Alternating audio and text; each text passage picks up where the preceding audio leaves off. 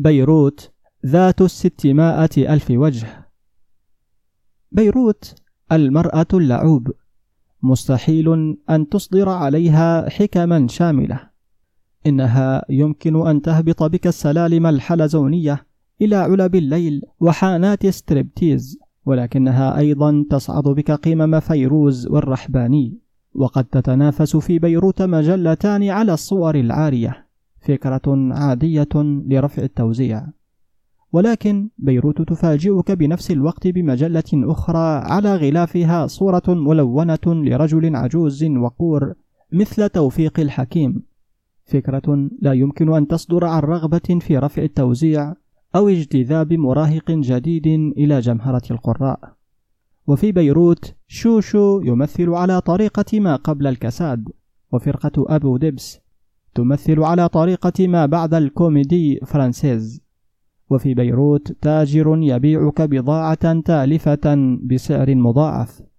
وفي بيروت أبو الشام الطيب القلب الوديع الشهم الذي ما زال يلبس الشروال والزعبوط ويزرع الضيعة ويبيعك التفاح الفاخر بسعر التراب. وفي بيروت من يحارب العروبة علنا ويتكلم الفرنسية ويقول أن لبنان يتبع خريطة أوروبا.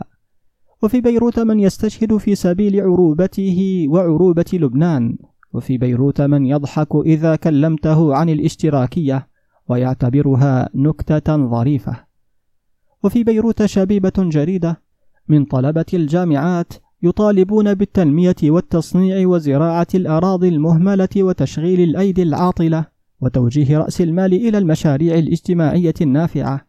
بدلا من تركه ليبني العمارات على أرصفة الشانزليزيه في باريس ويتسرب في بالوعة المغامرين والمقامرين والمستغلين. وفي بيروت من تتقدم للمنتج والمخرج وصاحب الجريدة لتتدرب في شققهم الخاصة على أول دروس التمثيل والشهرة وصور الغلاف.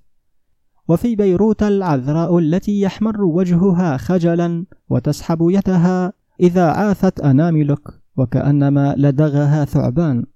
وفي بيروت الزوج الذي يغمض عينا عن زوجته التي تدور في حلبة الرقص مع صديق الخد على الخد والساق لصق الساق والشفاه تهمس وتلثم أطراف الآذان.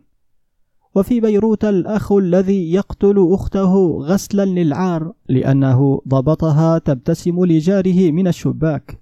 وقد يكون الاثنان من سكان حي واحد لا تزيد المسافة بينهما عن محطة أتوبيس ولكن بين كل واحد وآخر في بيروت توجد عصور وأجيال وحضارات وكأنهما من سكان قارتين مختلفتين وليس من سكان شقتين متلاصقتين في طابق واحد. في بيروت تجد عادات البداوة وأخلاق السواحل وبراءة سكان الجبال وانحلال سكان المدن.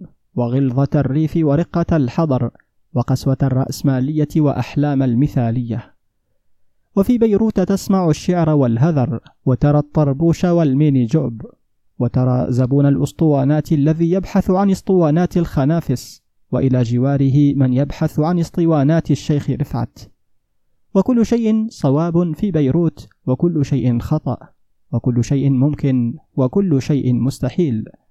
وأنت حر وليست عندك ذرة حرية في نفس الوقت وبدون ليرات وبدون ليرات أنت مسجون في فندقك. وإذا لم يكن معك أجر الفندق فأنت مسجون على الرصيف. وحتى رصيف الهورس شو يحتاج إلى ليرات. وتسألني بعد ذلك حكمي على بيروت. لي عليها ستمائة ألف حكم بعدد الستمائة ألف ساكن الذين يسكنونها لكل واحد حكم خاص به فكل واحد مدينة في ذاته ولو أن اسم كل هذه المدن بيروت. بيروت الغانية ذات ستمائة ألف وجه.